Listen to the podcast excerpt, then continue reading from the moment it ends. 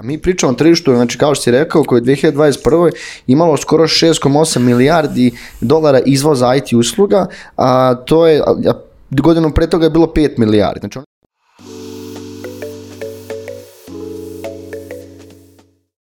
Zdravo ljudi, dobrodošli u još jednu epizodu Netokracijenog Office Talks podcasta. Ja sam Marko Crnjanski, a tema današnje epizode bit će upravo sukob u Ukrajini i rat koji se tamo dešava. Zapravo ideja iz ove emisije jeste da dublje analiziramo zapravo kako će se čitav ovaj sukob odraziti na IT scenu u Ukrajini, šta se tamo dešava, koja je ta zemlja statistike zabeležila kada je u pitanju ova industrija i kako može da se odrazi i na naš region, a pogotovo na Srbiju. Samo su danas moje kolege Marko i Marko, pa evo, mislim, evo, poslednjih nedelju, dve čitamo poslednjih par dana zapravo čitamo o ratu u Ukrajini, znamo otprilike šta se dešava, ali da ne davimo tim političkim temama, nego da se odmah osvrnemo na to. Zapravo smo saznali da IT scena Ukrajine je zapravo dosta razvijena i da je ta zemlja i tekako sada pogođena ovim sukobom.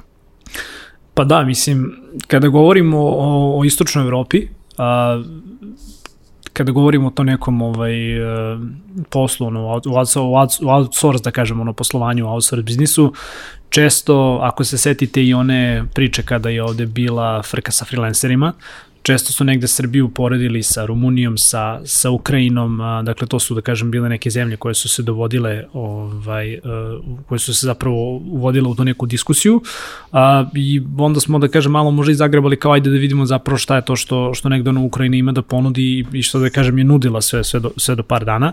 I onda shvatiš da je u pitanju ono ogromna država sa 44 miliona ljudi, sa negde 200 do 250 hiljada ljudi koji rade samo u IT sektoru, Ove, izvukli smo ovde i neke statistike i ono, jedna od glavnih, da kažemo, ono, premisa iz, iz, iza današnje epizode jeste zapravo da vidimo hoće li zbog sukoba u Ukrajini, podjedan kao skočiti neka ono prosečna cena programerskog mm. sata ovde u Srbiji i, i u regionu i gde će svi ti pametni, edukovani ljudi koji nažalost više ne mogu da ostanu u Ukrajini barem u ovom nekom vremenskom periodu, bli, bližom nekom vremenskom periodu gde će oni pod jedan naravno naći utočište i gde će nastaviti svoju neku karijeru. Da li će se taj talenat preliti širom istočne Evrope, da li će zahvatiti uh, svet globalno, da li Srbija na neki način može da profitira, iako je to možda malo glupa reč u ovom trenutku, i generalno da, da prosto vidimo gde se, gde se mi poredimo sa Ukrajinom, kako, kako ovakva jedna kriza može da da se odrazi na, na čitavu industriju. Da. da. Mi smo prethodnih nekoliko godina stalno govorili da, mislim, u medijima imamo informacije da srpski IT izvoz raste znatno, da je dostigo tih milijardu evra, ako ne možda nešto malo premašio, ali evo govorimo, ne želim da Srbiju poredim sa Ukrajinom, ima mnogo više stanovnika, ali govorimo o tome da oni beleža rast od 36% i da su dostigli skoro 7 milijardi u prethodnoj godini izvoza. Znači koliko je zapravo jaka industrija. Čitav ovaj sukob odrazio se, odražit će se na kompanije velike, manje, na, na radnike koje tamo rade. Pa Mare, kako ti, kako ti vidiš čitavu ovu priču pa što, sa strane broja? Što bude duže trajalo, mislim da će biti sve veći gubici ovaj, na obe strane, a što se tiče baš, ako gledam biznis perspektive, problem je takođe što um, muškarci tamo ne mogu da izađe iz zemlje, a i ne mogu baš ni da, ono, da rade u tom okruženju, tako da imamo situaciju da što se bude duže e, trajao sukob, sve će biti teže tržištu da se oporavi. A mi pričamo o tržištu, znači kao što si rekao, koje je 2021. imalo skoro 6,8 milijardi dolara izvoza IT usluga, a to je, a, godinu pre toga je bilo 5 milijardi. Znači oni su ovaj kao korona krize ili korona znači, godinu. 2019. evo imam brojke ispred da. sebe. 2019. 4,2 milijarde, 2025 i 2021. 6,8. Tako da je čitav taj neki trend digitalizacije ono veoma godio i, i Ukrajincima na ono, makar kada govorimo o IT da. industriji, da? Da, da i 5% BDP dolazi od IT-a, što su zaista a, velike brojke, pogotovo što Ukrajina a, nije bogata zemlja. Tako da negde možemo povući paralelu zašto je često strane kompanija i domaće IT tržište karakteriše kao konkurentsku snagu ovaj, u tom outsource tržištu koje je tamo dosta popularno, odnosno na Srbiju, Zbog, zbog nekog sličnog životnog standarda, znači imamo situaciju gde su opet IT-evci, to jest IT tržište može da živi verovatno dosta lepo tamo, za razliku od ostalih građana, negde prošna plata je oko 500 evra, možda čak i malo niže. Kad pogledaš paralelu, ti možda vidiš neke sličnosti sa Srbijom, Da. oko te prosječne plate i tog velikog dispre, ono, dispre, velikog, velika razlika između uh, IT-a i ostalih grana industrije. Da. Takođe, prosječna plata je isto negde slična kao i kod nas. Mislim da je sad medijana oko 2000 evra tamo, a kažem ti kao i kod nas idu različite pod iskustva i ostale stvari su, sve zavisi od toga koliko si isku, iskusan, da li si junior, senior, medior, na osnovu toga takođe ide i plata i ovde i tamo, a ono što jeste što oni imaju preko 250, da kažem 200.000 ljudi možda čak koji su baš u ovoj industriji. I to je ogromno tržište, samo mada oko 100.000 radi baš u outsourcu. Znaš, mi- moramo imamo šta će, šta će desiti s tim ljudima i s tim kompanijama, jer uh, šta god mi pričali, jednostavno kompanije vole da posluju u stabilnom okruženju. U ovom trenutku Ukrajina nije stabilno okruženje i vero, vrlo verovatno će doći do nekog odliva kompanija sa tržišta. Da, mislim, mi sami znamo koliko ekonomija ume da bude osetljiva stvar, posebno kada govorimo o bilo kakvom oružanom globalna sukobu. Da. ekonomija.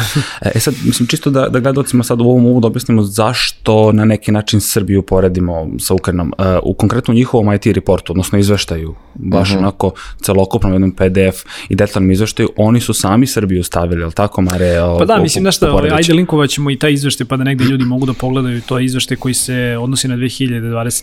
godinu. Ovaj, a, sad zaboravio sam tačno kojega je udruženje radilo, ali da kažem jedno od ovih udruženja kao što imamo slično i u Srbiji, koje se negde bave analizama ovaj, ono, učinka domaćeg IT sektora. I mislim da šta ono kao, može se vidjeti, ok, sad Ukrajina jeste mnogo veća država, imaju mnogo više ljudi, kažem 44 miliona ovaj, ono, građana, negde oko 200 do 250 hiljada radi u, u IT-u, zapravo ako pogledamo a, je procentualno manji broj nego na primjer kod nas, ovaj, koliko ljudi radi u IT. Ovde se govori o nekim brojkama da imamo između 30 i 40 hiljada programera, da imamo ukupno 100 hiljada ljudi koji rade u tom nekom širom ICT sektoru. Tako da, ovaj, sad, žao nam je, mislim, i ovu epizodu snimamo ovako malo na prepad, nije kao da smo očekivali da će se ovaj sukob desiti, ali ovaj, vidimo, na primjer, da je Srbija a, ispred Ukrajine, ako govorimo o ukupnom procentu ICT usluga u bruto domaćem proizvodu, oni su negde na 2,7 posto, gde smo mi negde na 2,8. Interesantno je i da je Belorusija, na primjer, na 3,3. Tako da ova ovaj sukob nije nešto što samo utiče dakle, na IT profesionalce u Rusiji i na IT profesionalce u Ukrajini, ovaj sukob utiče i na zemlje u okruženju kao što su Belorusija koja je negde da kažem stala na stranu a, same Rusije zbog Lukašenka i zbog Da. čitave političke situacije tamo. A, ova situacija će definitivno uticati na Poljsku, na Rumuniju, na Mađarsku, negde će se da kažem ti neki efekti preliti i, i na nas ovde, tako da mislim eto, ako ništa interesantna je tema, oko koje danas i, i, i pričamo, ovaj, jednu stvar koju sam negde samo hteo da, da, da istaknem ovde, jeste, uh, znaš kao, Ukrajina ima jako veliki broj jednoroga, jako veliki broj uspešnih IT firmi koje su odatle, neke od njih su Whatsapp, Grammarly, GitLab, Solana, njihovi osnivači su isto Da, odatle. da, dosta, Solana, NIR. Inače, i- da, uh, i Ukrajina je jako velika u kriptu, u Web3 generalno, tako da mislim, znaš, ono kao o- ogromna, ogromna je stvar. Drugo, velike kompanije poput Amazona, Googlea, Samsunga imaju svoje razvojne centre tamo, SAP, Revolut, uh, znaš, mislim, ono, zaista uh, ogroman, ogroman, ogroman broj kompanija koje imaju svoje prisustvo tamo i ako sad kao govorimo kako su se kako je ova vest o sukubima zadesila kompanije, mislim, igrom slučaja moja ovaj, ono, buduća supruga, sadašnja verenica, a, radi za firmu koja ima i jednu od podružnica, ako mogu da kažem, u Ukrajini. A, malo smo razgovarali na, na ovu temu. A, jedna od stvari jeste da su gotovo svi bili u šoku i da negde Zapad nije očekivao da će, a, da će Putin ovo da uradi. Čak ni sami ljudi u Ukrajini nisu očekivali da će se ovo zaista desiti. A, ali su kompanije, da kažem, pre a, nego što je, da kažem, izvršen taj ono inicijalni napad, a, su same negde, da kažem, postavljale neke strategije a, upravljanje resursima, kako će zapravo da probaju da ljudi uzvuku odatle, šta ukoliko se desi da, da internet ne radi, mislim, evo, kažem, znaš, ono, blizak mi je taj slučaj, pa mogu da potvrdim da ljudi, na primjer, ono, prvih dana napada nisu imali internet, znam da imaju i dalje problem, pa smo to videli Ilona Maska, kako ovaj, ono, Starlink, Starlink. Starlink servis polako ovaj uvodi u, Tamo, da. u, Ukrajinu, mislim, to su sve neke, ne, ne, neke stvari koje ono predstavljaju ozbiljne probleme za velike kompanije, koje naravno sada u prvom naletu svih ovih užasnih vesti pokušavaju prosto da spasu ljudske živote, da probaju da nekako relociraju ljude, da im, da im pomognu da izađu iz zemlje. Pod broj 2, to je druga neka faza, će biti naravno spašavanje ovaj, samog posla, jer mislim, opet, da. o, ogroman je broj ljudi, da kažem, koji, koji radi ovaj, u, u samoj IT industriji. Isto videli smo da će verovatno biti i uh, značajne promene koje će se dešavati sa stranim firmama, sa stranim IT firmama koji imaju svoje prisustvo u Rusiji, Mm -hmm. a, sa svim, da kažem, ukidanjima Swifta, sa bukvalno onemogućavanjem Rusije da posluje na nekom internacionalnom nivou, tako da ovo je zaista ono, bez, bez, bez ono šale, jedan tektonski udar na, na, na sve, i mislim da i dalje možemo samo da ono spekulišemo koje su neke stvari koje će se desiti, ali neminovno je da, da, da, da ono, ukrajinska IT industrija koja je ono, jedna od najvećih i najvrednijih industrija tamo, a, da je duboko pogođeno i da ćemo svi mi na neki način da, ote, da osetimo ovaj, efekte, bili oni pozitivni ili negativni. Slažem se skoro. Marija, setit ćemo se one priče o freelancerima, da je Ukrajina takođe bila pogodno tle za, za to i da je u nekom pa, trenutku pretila da može danas po tom pitanju pretekne. Pa ne znam sad... Mislim, mislim da nikad nisu pretili, mislim da, da, mislim ne da su da se više pravila poređenja zapravo Aha. da ukoliko kod nas skoče cene da, da, da kažem ima ljudi koji će da ostanu na negde istom nivou Jasno. i da nastave da rade. Da. Pa mislim da još pričamo još neke podatke, uh, većinom jesu i da, tamo su muškarci dominantno u IT industriji, što je još, kažem ti, još uh, 75% su muškarci koji rade u IT-u, što ti je opet podatak, jer tamo trenutno ne možeš izaći iz zemlje i možda budeš mobilisan ti ne možeš da radiš, a kamo šta drugo. Um, jedna situacija, kao što je rekao, Ukrajinci imaju neke poznate firme, uh, imaju tri jednoroga, od nek su, baš su najveći su taj Grammarly koji vjerojatno niko nije znao da su Ukrajinci, uh, GitLab je takođe tu, to je mlada IT industrija, znači negde skoro do 60% ljudi koji radi u IT-u su do 30 godina, uh mhm. -huh. znači to je zaista A pročam, a pokažem ti, čitam ovde podatke, uh, prosječan junior ima 23 godine, a senior je čak 30, znači ljudi takođe negde, kad gledaš sliku uh, gde je da, tržište mlade, se ljudi brzo razvijaju, gde se tehnologije brzo razvijaju i onda može da povučeš tu paralelu sa nama. Mm. Mi imamo veliki broj takođe seniora koji su zbog nedostatka kadra vrlo brzo postali seniori, kažem sve, pre, sve pre svojih 30 godina. Znaš, mm. i onda, mislim, Marko rekao, oni takođe, to su, to je velika zemlja, gde imaju, ne znam, e, samo imaju skoro 100.000 ljudi koji radi u Kijevu. Ovaj Har, e, kako se zove, ha, Harkov, Harkov je Harkov ti je da, ono zanimljivo, drugi, drugi, drugi, hub tamo, da, da. Drugi najveći grad u Ukrajini, ako se ne varam, ili možda grešim. Ne znam tačno, nisam da, siguran. Da, da, da, sad, ali oni Ali su... u svakom slučaju, znaš, ovih dana je došao, ovaj, mislim, ja ne, ne, ne znam ono geografiju Ukrajine, daleko od toga, ali ovaj, e, samo ime Harkov je baš ovih dana bilo veoma, veoma istaknuto u vestima, obzirom da je to jedan od, da kažem, ono, prvih većih gradova koje su, koje su ovaj, Rusi, pa, koje su strateški da kažem, da. snage. Pa što je blizu Rusije. Tako, tako je, da, ali eto, mislim, ono, sama činjenica je da i tamo imalo, da, da kažem, da i tamo negde bilo, ovaj, eh, bilo zastupljen veliki broj IT firmi, da opet, znaš ono sad kao pravimo paralelu sa Srbijom. U Srbiji je IT industrija je dosta centralizovana. Uh mhm. -huh. Mi tek treba da, da razvijamo tu našu decentralizaciju. U Ukrajini to nije bio slučaj. Tako da ovde vidimo da nije ono, veliki centri su pogađeni ovaj, sa više strana, Kijev, Harkovi, da kažem drugi neki gradovi, tako da je zaista užasno to što se, što se dešava. Ali evo sad je, mislim, kada je, kada je, ovaj, kada je, kada je Tadić uh, izjavio zapravo, znaš, kao veliki broj ljudi, da kažem, ostaje tamo negde ovaj, iz, iza granice, uh, vremenom i ako se ova kriza bude produžavala, ljudi će pokušavati naravno da, da, da traže azil na, na, na svaki mogući način i tu negde vidimo već da će sigurno ovaj, ono, Poljska, Rumunija, da kažem te neke njima bratske ovaj, zemlje da, da im negde pruže utočiste, Mađarska je to nadam se takođe. Pa, sve ali, zemlje s kojim se faktički graniče. Pa da, ali ovaj, naš, nadam se da će se negde može i Srbija naći na Pa na, na, bio dve, da su do nas došle prve ljudi iz Ukrajine, došli su u Hrvatsku i Srbiju, tako da je, da. i plus naši izjavi da će prihvatiti ljudi koji dolaze iz Ukrajine, poslati da. pomoć tamo.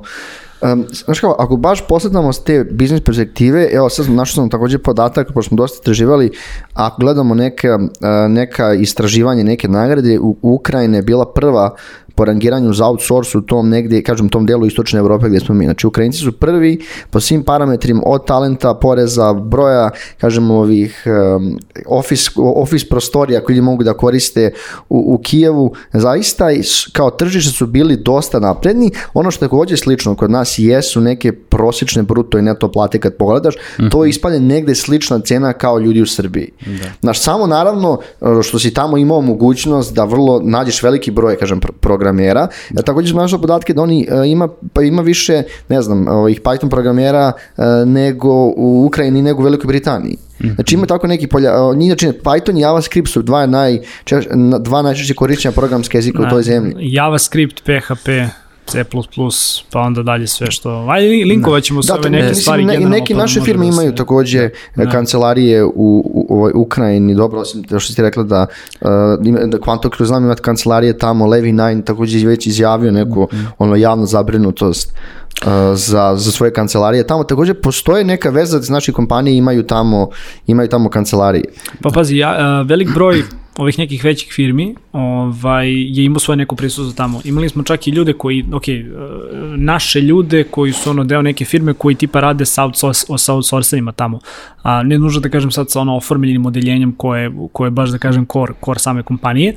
A, ovo što sam malo čas rekao vezano za tu migraciju, mislim da, kažem, ako se ovaj sukob nastavi i ako se prolongira, svi se negde nadamo da se neće nastaviti, a mogli bismo zaista da vidimo veliki broj ljudi koji negde naš ono prelazi sad uh, malo južnije, dakle u, u, u jugoistočnu ovaj Evropu, da kažem bliže bliže nekim našim ovaj ono ovaj podnebljima u potrazi za da kažem novim novim životom, kao koliko ko to zapravo dosta užasno ovaj zvučilo jer ono nezamislivo je da 2020. godine ono kao rat u Evropi i da se može da da zadesi jedna ovakva tragedija, ali ono što mi je što mi je fascinantno sad znaš, ono kao naravno politika i ne, ok, rekli smo da se nećemo baviti politikom, ali politika je neminovno deo čitave ove priče. Mm. A, sad me jako interesuje da li bi se, mislim to je pitanje na koje niko nema odgovora, kao da li bi se potencijalne pa ono, ekonomski, društveni izbeglice, nazovi kako god, mislim, znaš, ono, ljudi koji beže odatle pokušavaju da spasu živu glavu, znaš, ne možeš ništa reći protiv toga, ali pitanje je da li bi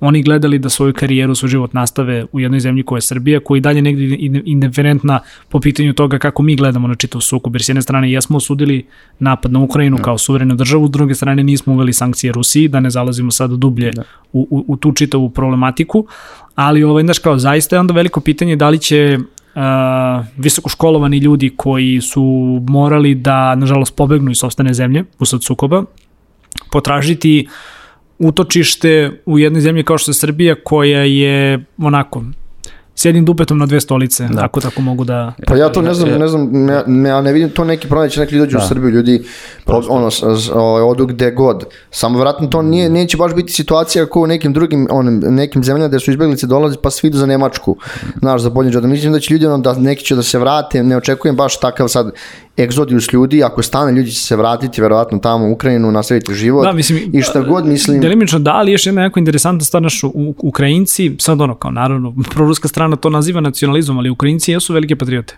Pa mislim, ok, sad da li su patrioti ili da. nisu, ne znam, ne znam, ne znam pa, nikog iz Ukrajine, da. ali imaš situaciju, evo pričamo sad o remote radu i nekim mogućnostima za plaćanje preko nekih drugih onih velikih vendora, kao možda koristiš, ne znam, PayPal, Pioneer uh -huh. ili kako god. Ima, ima mogućnost da veliki broj, ne znam, ukrajinski koji su, ukrajinskih radnika koji su ono skill worker na IT mogu da odu, ne znam, na Tajvan da rade. Ako imaš mogućnost da radiš u nekom tropskom raju, čak i u, ne znam, Portugal ili slično, ti onda ne moraš nužno da ostaješ u Srbiji. Iskreno mislim da je to baš onako dale, dale, daleko sežno gledanje. Mislim da daš da govorimo o ljudima koji su ono izbegli iz sobstvene zemlje, mislim da neće nužno gledati odmah da idu da rade na Tajland. Mislim da će se prestacionirati negde u ovom delu Evrope. Da, prosto ko je otišao ranije. Ali da, možda da. malo ružno i reći sad, ali kao naš Evropsku uniju ili makar ovaj deo koji ono, smatram uh -huh. Evropskom unijom, ako opet ružno je reći, ali znaš ono kao Evropa će delimično profitirati od uvoza ljudi koji su ono high skill workers, pogotovo u digitalnoj ekonomiji gde svima treba rade snage. Ne znam, prosto mislim da ljudi kad već beže od takvih ludosti i svega što se dešava, tražit će interes da se negde nastane za početak, nebitno. Mi ne znamo koliko će ovo da traje. Tražit će svoj interes da nađu posao i ostalo. S druge strane, treba uzeti u obzir da, baš to čito negde na internetu, da mi mnogo više kulturološke sličnosti sa Ukrajincima imamo nego recimo sa Rusima. Dakle, ako staviš političku stranu ne, negde sa strane, ljudi će verovatno prebirati neko podnemlje koje, koje im je kulturološki sličnije. S druge strane, mislim, evo, poredili smo prilike neke brojke, kogod da je Ukrajina veća država, da ima više stanovnika, mi imamo mnogo manje, ali opet uh, ogromna ekspanzija IT-a. Isto i sa strane edukacije, uh, baš sam čitao ovde da je uh, na 100.000 stanovnika diplomiranih IT stručnjaka, Ukrajina ima 68, mi 58, Da, više od osim bilo koje druge poređene zemlje koja se poredi sa A Ukrajinom. zamisli, opet, zamisli, mi imamo znači, dosta školovanih ljudi u IT, Da. da. odglašno 100.000 stanovnika i Ukrajinci, ali mi nemamo radnu snagu, znaš. Ukrajinci su, mi, koliko imamo možda, oko 3 zarezi nešto miliona ljudi koji, mo, koji su ono mogu da, kažem, čine Pa- radnu snagu, Ukrajinci su imali, ne znam, 18. I evo sad, oni imaju Amazon kao razvojni centar, što je realno cool, ima mnogo tih velikih kompanija. Uh, I znaš, imaš situaciju da oni ne mogu da nađu te radnike, a mogu da odu tamo i, i da nađu, ne znam, hiljadu ljudi koji će da rade. Sve ti, je, sve ti je se na kraju dana svodi na veličinu tržišta. Da, Imaš mislim da- 44 miliona ljudi, znaš kao Srbija sa svojih 7 ne može se porediti sa... Da, a plus ako pogledaš, ja sam već vidio da su neki, da, ono što mi pričamo, čak su razmišljali indici, ja sam neke njihove, ono, ko- neki tekstove sam pročitao gdje su velike, sad šta, kako bi to uticalo na indijski IT, taj tržište koji isto, oni očekuju, ne znam, da će možda oni da dobiju neke outsource poslove koji su Ukrajinci radili, jer znaš, zašto ljudi vrlo često ostaju u Evropi pa i kod nas, jer ta, ono, a, prva stvar, ljudi znaju dobro engleski, školovani su, bliže su neki kultur, kulturološki, Upravo imaš to. situaciju da je vremenska zona isto takođe ok, Je, ali evo još, je- još jedna bitna stvar kada negde sad kao pravimo ta poređenja ovde, izvukao sam iz ovog teksta ovaj, koji smo danas čitali, a opet kažem linkovat ćemo ga, um, kako govorimo o tome zašto je na primjer i Srbija interesantna, zapadu za pružanje IT usluga zašto i Ukrajina da kažem interesantna, pa znaš ono, jedna zajednička stvar jeste pa dobro govorimo engleski jezik, ovaj, kulturološki smo da kažem bliski ovaj, zapadu. Na primjer ako pogledamo ovaj, ovu jednu ono pitu koja negde govori um, kako ljudi zapravo ovaj to je koji postotak ljudi koji negde ono vladaju engleskim jezikom, vidimo, vidit ćemo, na primjer, ne znam, 17,5% ljudi je ono proficient u engleskom jeziku, uh -huh. a, taj neki viši srednji ovaj, broj je 34,02, srednji nivo je 26,8, tako da mislim vidimo ogromnu, ogromnu populaciju, skoro više od uh, 3 četvrtine ljudi koji ono fantastično vladaju uh, jezik. fantastično vladaju, vladaju engleskim jezikom. Tako da, znaš, mislim, to su opet, kažem, školovani ljudi, ljudi koji su ono verovatno veoma, veoma ovaj, dobri u svom poslu, za njih neće biti problem da nađu zaposlenje, pogotovo danas ako gledamo da je sve digitalno i da je ono čitav IT ovaj, porastao, ali baš zbog, da kažem, tih nekih poremećaja, vidjet ćemo neke, a, vidjet ćemo neke stvari koje se prelivaju i, i kod nas ovde na, Da, na i oni, tržište ono što je bilo dobra stvar, pošto oni vrlo često povezani sa Rusijom i ti si nekako mogao da, i znaju, dosta ljudi znaju ruski, ono tipa, ne znam, baš sam čitao, nije možda, oni imali situaciju da čak i predsjednici neki prethodni 20 godina nisu znali, ono, e, obećali kad naučit ćemo ukrajinski jezik, koliko su oni duboko u stvari povezani sa Rusijom. I ti si imao situaciju gde si ti mogao da budeš u Ukrajini, otvoriš neku firmu, vrlo moguće možeš da posluješ Rusijom, blizu ti je, a opet nisi u Rusiji, I znači, bila je generalno, na dobro kažem, ne kažem pl- plodno tlo, ali imali su stvari super rast IT-a i verovatno jedno najbrže raći tržišta ako gledamo u Evropi. I kad pogledaš količinu, već smo pričali, količinu proizvoda koji su Ukrajinci pokrenuli, kao njihovi founderi ili su tu bili među vodećim ljudima, to je zaista nevjerojatno. Da, baš je Mislim, govori samo o Web3-u. Da, Da, pola, pola ove stvari koje ono mi sada polako ono kao pratimo kada je Web3 u pitanju, većina stvari se vezuje za Ukrajinu. Ako se ti- ne varam, da li je osnivač Ethereum ima poreklo Ukrajin, Ukrajinsko? Ne, on je Rus, on je Vitali, ali ti imaš tipa NIR iz Solana, što su isto visoko kotirani protokoli. A mislim, ide, ide valjda Ethereum pa Solana trenutno. Da, Na mada, je, svijetu ti mada, je, mada, je, pogledaš, da, mada je osnivač Ethereuma ovaj, baš bio u fazonu kao Ethereum kao takav je naravno ono, Neutralan. neutralan ali kao ja naravno da imam svoje stavove. Da, mislim tako da, i, i, a nešto je, nešto je jedno jako bitno, sad možemo da pričamo, jednom se već, ono što, se, ono što će se dešavati u Rusiji ako se ovako nastavi. Jer mi imamo da su sad sve, ono, vodeće svetske kompanije, uh, digitalne kompanije, već isključili Rusiju iz svog poslovanja. Da je YouTube, ono, za, da, YouTube je čak ukinuo monetizaciju i isplaćanje svojih kreatora. Jeste, To- Facebook je ukinuo Pa, monetizaciju, zbog, zbog oglašavanje. Swifta, pa da, mislim, ok, ne možeš, ono kao, ne možeš da, da oglasiš nijednu stvar više preko Google, Google i Facebooka, znači da. preko zapravo najvećeg duopola ono, za, za digitalno oglašavanje. Pod broj dva, znaš, sankcije, isto kao i 90-ih. Znaš, kao sankcije imaju za cilj da pritisnu ljude koji su na vrhu, a zapravo najviše ispaštaju ljudi koji su obični građani. A, da zaista negdje verujem da imaš kao veliki broj ovaj građana Rusije koji nisu uopšte za, za ovaj sukob, ali na kraju dana oni su ti koji će najviše da, da propate. i I zanimljivo. baš, baš smo da kažem videli i te neke primere ovaj, kreatora, na primjer, koji su bili youtuberi koji više neće moći da ono, zarađuju svojih pozorstva, Od rada, sponzorstva, da. da zarađuju svojih pregleda.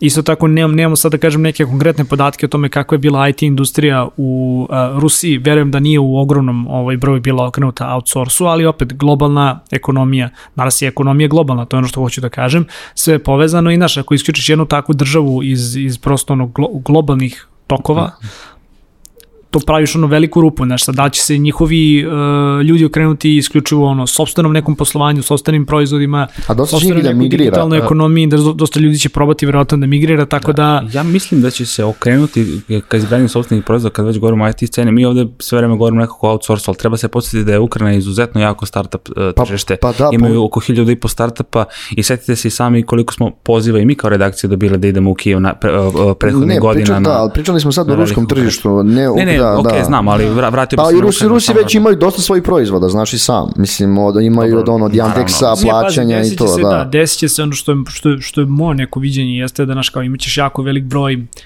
ekonomskih izbeglica koji će da traže a, spas u zemljama Evrope, a, u Americi i u drugim nekim zemljama jednostavno ono, imaćeš ogroman preliv a, i odliv talenta. Što je zapravo da. ono naj, najstrašnije od, od svega. Da, pa ja gledam sad u fazonu payment and tax, njihov porez, znači porez je bio niži nego naš u IT-u, 23,5% su sve bile takse. Porez koje, i doprinosi. Da, da, porez i doprinosi, Ukrajini su nasli 23,5% na platu, što je takođe opet vrlo primamljivo, da ti njima možeš daš više, net, no, veće neto plate i da na taj način privučeš radnike. E, dok je biće ekonomski izbeglica, čitao sam da Evropska unija kaže da mogu da može očekivati 3 do 4 miliona u naredne ono, 3 godine, možda i više. A, vidim da su se ovi sa bliskog istoka ljudi javili iz tih zemalja kao sad možete da primate izbeglice, nažalost politika je takva, jako vrlo često surova i isključiva, a ono što jeste po meni problem Zašto? Jer ta stabilnost tržišta je dosta bitna. Mi smo čak imali razgovor s nekim founderima, strancima IT, koji su ocenili kad naš zašto, dobro, zašto broj ove, firmi u Srbiji raste, pa to možete vidjeti izjava našeg političara što je realno, jeste tačno, zbog stabilnosti tržišta. I ne očekuju neke velike radikalne promene. To se neće desiti ni sad. Naravno, Mislim, da Tadić krene da vadi grafikone štampane na papiru. Da. Pa ne, ne, ne, ne, ne vezam, ne ti kažem da stabilnost tržišta, koliko god da li, se, da li ti podržava režim, očigledno je da se, da li, ne, to nema veze s režimom, ali IT je toliko porastao da svaki dan se otvaraju strane Šta, firme. Pazi, i... ovde, ovde, ovde je činjenica jednostavno da ti imaš stabilno tržište. Znači, koliko god se mi lično ne slagali sa ono, velikim brojem odluka trenutne Državne vlade, vlasti, da a, ne možemo da, da osporamo činjenicu da realno proteklih deseta godina smo zaista i imali nekakav rast i imam, imali smo, da kažem, taj kontinuitet u stabilnosti. Bilo je na, naravno i ovde previranje, mislim, setimo se o velikih protesta 2020. godine, ovaj, nakon, nakon ono, da kažem, izlaska iz tih nekih ovaj, ono, mera, ovaj, iz tih nekih COVID mera, mislim, šta hoću time da kažem, sranje je moguće i ovde. Malo je nama zbog naše ono uzavrele krvi potrebno da, da. Ne, da nešto eskalira, ali relativno je bilo mirno protekle godine i to je nešto što zaista kompanije na zapadu ovaj, vide i prepoznaju. Ono što mi jeste negde sad interesantno, opet e, kao koliko god mi pokušavali da negde balansiramo taj uh, status neutralnosti gde s jedne strane ne uvodimo Rusiji sankcije, a, poštujući neku istoriju koja je ta država imala sa nama 99. kada smo mi sami bili pod sankcijama, dok s druge strane kao osuđujući napad na Ukrajinu koja jeste suverena država, a, moramo da u, u, u naš razgovor negde ubacimo i perspektivu da ćemo sigurno imati neke kompanije koje dolaze sa po mom mišljenju pogrešnim stavom, gde neće hteti da rade poslove sa Srbijom upravo zbog tog našeg neodređenog stava. Uh -huh. Moje neko mišljenje jeste da kao, ok, ne bih ja ništa drugačije uradio od onoga što je, da kažem, urađeno na, na, na nivou državnog vrha u ovom trenutku, ali pitanje je da li će nas ta, ta pozicija neutralnosti dugoročno koštati i da li će biti još veći pritisci od strane ono Evrope i Zapada da da kažem da se u potpunosti priklonimo njihovom ovaj ono modelu i ekonomskom i, i kom god drugom i da li će možda to biti jedan od faktora zašto neke kompanije ne dolaze u Srbiju ili ne žele da rade sa, sa Srbijom. Što je opet naš ono pitanje na koje u ovom trenutku nemamo odgovor, ali sigurno će kad tad da, doći mislim, ovaj... Mi, prosto u ovom, u ovom trenucima Srbija ono, kao država koristi benefite koje može da koristi, da sedi na više stolica, ali ako si ti kandidat za EU i znaš koji ti je politički pravac kome ideš i strategija, u jednom trenutku ćemo sigurno doći u situaciju da moramo da se sa različitih Neće društveno ekonomskih, pa neće biti Neće skoro, ali ja biti skoro, kažem da. doći ćemo u situaciju ako težimo Da. ka, ka tome. Ono što je problem Samo Ukrajine da jeste... što Kajla Bilta na Twitteru. Jeste da, da ovaj, iako se sukob e, završi za par dana, što se svi nadamo da bi voleli da se završi, znači da, da, da, da se uopšte ne nastavi, problem u tome što je ta zemlja već ekonomski oštećena i svaki rat e, sa sobom povlači mesece, godine oporavka. Tako da neće Da. ovo stati To već jeste, preko noći. to, je, to jeste problem i upravo zašto čak si kod nas na Redditu, znači da to je isto ono, odmas ovaj, re- stari redditori napisali, bio je thread kako, ovaj, kako će uticati na tržište a, IT-a u Srbiji, međutim nije bilo nekih pametnih komentara, većinom su ljudi pričali, e, hoće, e, neće. Ovaj, mislim, kad pogledamo, mi smo pričali u našem podcastu, nama je 2021. u Srbiji vratno jedna od najboljih godina za domaći Vidimo to po startup, eko- da, da, za da. domaći startup eko, ekosistem, tako da su se naše kompanije dobro nekako pripremile na taj post-korona period. Ovaj, tako da korona još postoji, ako se više niko ne priča o tome. Tako je, ali, ne treba ni to kažem, zaboraviti. Da, ali poenta jeste, znači ovo, će, ovo je sad, ne kažem neka nov- nenormalnost, ali je rat koji je bliži nego drugi ratovi koji su Tako bili Reći ti, zadnjih mislim, 15-20 kao, mislim, godina, mislim da smo baš zbog ono kao čitave ove situacije sa pandemijom negde svi sad spremni na krizni period, nije da, da nam Da. ono, to, baš, to baš treba posle dve godine ovaj, ono konstantnog ulaženja i izlaženja u neki ovaj, ono, lock, lockdown, ali ovaj, mislim da su kompanije možda sada spremnije da, da budu fleksibilne, da kao što je Mare rekao da ono ponude ljudima neke ono fleksibilnije oblike rada, znaš kao globalna ekonomija nas je realno u protekle dve godine spremila na ovako Da. nešto, a, i sad samo je pitanje znaš, ono, koliki će zapravo ti, ti efekti da budu, da li će biti pozitivni, negativni, opet ponavljam, užasno je to što se dešava, ali će sigurno biti nekih zemalja čiji će industrije da profitiraju od influksa ljudi koji su ono veoma ovaj obrazovani, koji su ve- koji su dakle ed- edukovani, ono razumiju se u svoj posao, profesionalci su onome što rade. I drugih od drugih industrija koji da, da kažem drugih nekih ovaj zemalja koji možda neće profitirati od, od, od, od toga. A pitanje je naravno da li će Srbija da da profitira, ono što mislim da možemo očekivati jeste dogod je I opet, ukoliko se ovaj um, sukob dalje ovaj nastavi ili Nastavi, produži, da. mislim da vremenom samim tim što kao veliki broj ljudi je ostao iza, i, i, iza granica Ukrajine, znači ostao u samoj Ukrajini, a, neće biti, da kažem, negde u mogućnosti da radi, ta industrija će polako, da kažem, ovaj, da doživljava sve veće i veće gubitke. Mislim da će zbog toga delimično naši ljudi, generalno čitav region, pa ako govorimo i o ceni sata ovaj, ono, u Mađarskoj, u Poljskoj, u Rumuniji ili gde god, mislim da će isto tako i cena sata u Srbiji polako da skače, što je, da kažem, još jedan dodatan sloj nekog problema da plate, makar u tom sektoru ovde nenormalno, nenormalno skaču, pogotovo ono u poslednjih ono, šest meseci do godinu S dana. druge strane, stvorit će se na neki način konkurentnije tržište kod nas.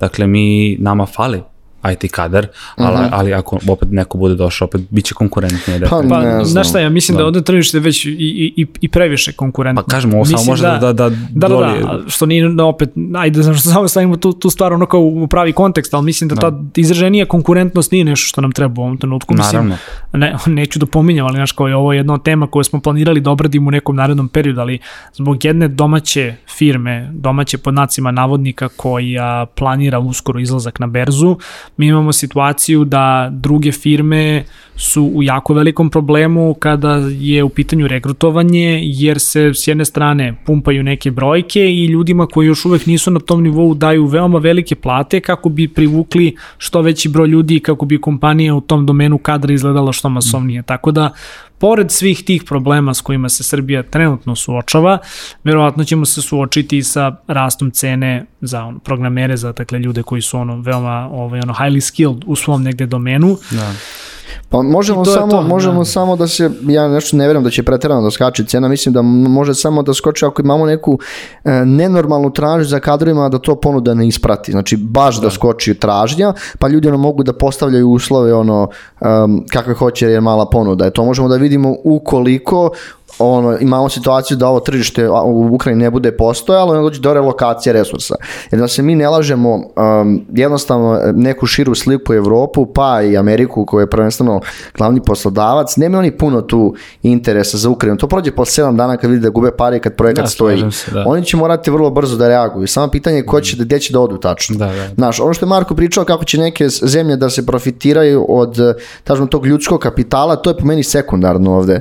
I um, Jer ne, znaš, ljudi će da odu na sve strane, pa će neko će da ostane da radi na poslu, neko hoće, neko neće, ali ono što, ok, sad postoji ta remote, uh, remote mogućnost za rad, ono što meni jeste glavna stvar, generalno očekuje da diskutujemo, ukoliko se ovo bude proširilo i situacija u gradovima bude još uh, gora, gde ne bude bilo struje, vode, snadbevanja, ako bude slučajna humanitarna kriza, koju je pominjao Kličko kao gradonačelnik uh, Ukrajine, onda možeš da očekuješ da ovaj, da će doći do uh, migracije kapitala. Da. Problem je to kad je outsource tržište, to je uvijek bio problem, ste to pričali, iako se nekoj vrlo često kompanije kao svi smo jednaki ili slično, ako dođe neka kriza, prvo će da iseku, glavne kompanije iseku outsource. Jednostavno mm -hmm. tako, Naža, nažalost je tako. A i lakše ti je da isečeš, mislim, s jedne strane sad kao, ono, nije, nije baš ni toliko lako iseći ove A da ljude, nije, ali... ali ako. Da. u toj državi nemaš IP, ako u toj državi imaš infrastrukturu koju da prosto plaćaš samo na jednu mesečnu fakturu, mnogo je, mnogo je lakše prekinuti saradnju. Da. Do duše, sa svim tim stvarima koje si rekao, moram, moram da se negde pred kraj epizode osrnem i na ovu dobru stvar. Ove, ovaj, opet pomenuo sam na početku da, da, da, da smo videli zapravo veliki broj kompanije koje su se unapred pripremale na, na, na, da. na krizu koja će se desiti. Tako da smo imali ovaj e, imali slučajeve, evo imamo i dalje. Znači kompanije su oform, o, o, oformile sobstvene timove za preseljenje.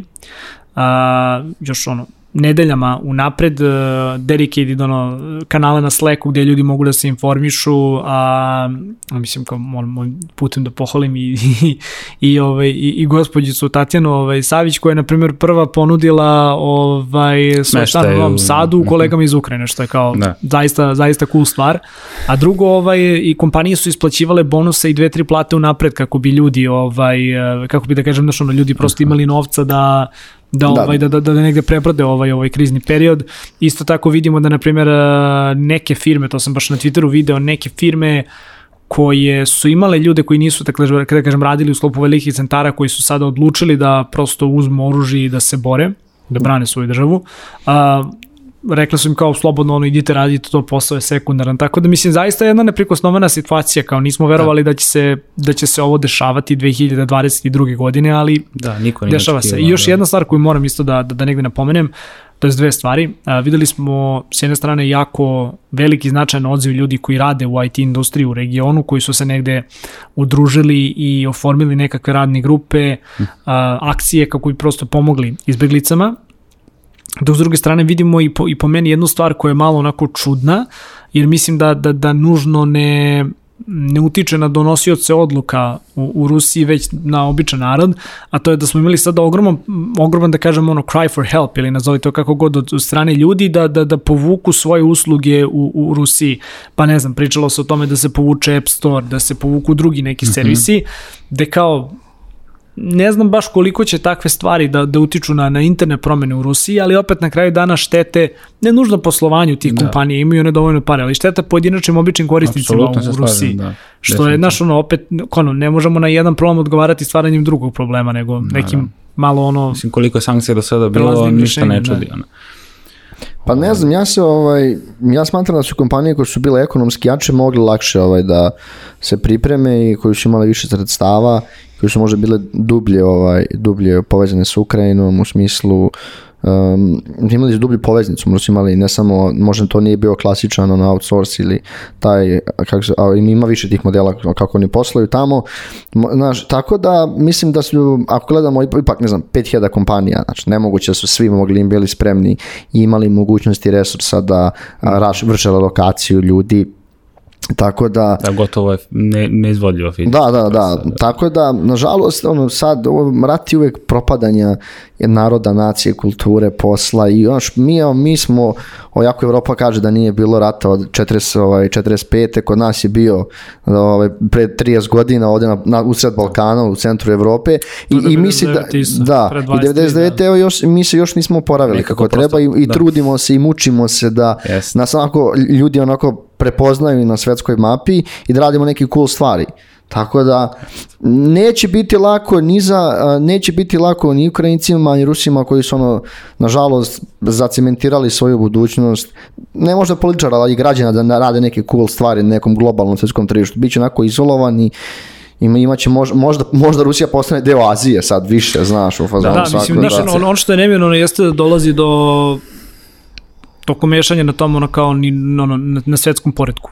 Da, da, ne je znamo još ko će, da, to, ne znamo, ne znamo još ko će ono izbiti kao, kao pobednik, da li Da. će se ono E. Kina i Rusija ovaj ono ujediniti, da li će ono Amerika zadržati svoju neku a nema ono već odavno lidersku poziciju, ajde tako da kažem, ali ovaj jako interesantno se ovo pratiti, uh, možda malo i glupo reći, ali prvi put iz ugla posmatrača kada je Srbija u pitanju, da nismo ono Da, aktivno ja se nadam da će ostati makar u našim posmatrača životima da šta, nismo da, daš da. ono aktivno u nekom ono, ono u centru nekog sukoba, ali naravno naš ono svakako smo ovaj ono mislimo uz, uz svakog ko je ko je ovaj ko je pogođen ovim ovim dešavanjima na bilo koje strane. Slažem se skroz, ali kažem opet, ono, svake geopolitičke igre praćene ratom povlače posledice za sve. Uh, ne znam, eto, kao, mislim, kao što si rekao, prosto nadamo se svi da će ovaj sukob da se okonča što pre, pregovori su valjda danas, sutra počinju. Šta Danas, će da. biti, da, šta će biti, ne znam, pratit ćemo, vidjet ćemo šta će da se desi. Uh, u svakom slučaju, nadam se da je ono, da smo prešli one naj, naj, najbitnije stavke. A, hvala i vama što ste ostali sa nama do kraja. A, pišite nam svakako u komentarima kako vi gledate na ovu krizu u Ukrajini i kako se ona zapravo može odraziti na naš region, na Srbiju pogotovo, kako komentarišete zapravo njihovu IT scenu, uključujući startupe. A, podsjetnik za kraj da Office Talks možete pratiti putem YouTube kanala ako se pretplatite da biste bili u toku sa svim novim epizodama, kao i na audio kanalima kao što su Deezer, Spotify, uh, Apple Podcast i Google Podcast. Mi se vidimo u nekoj od narednih epizoda. Pozdrav!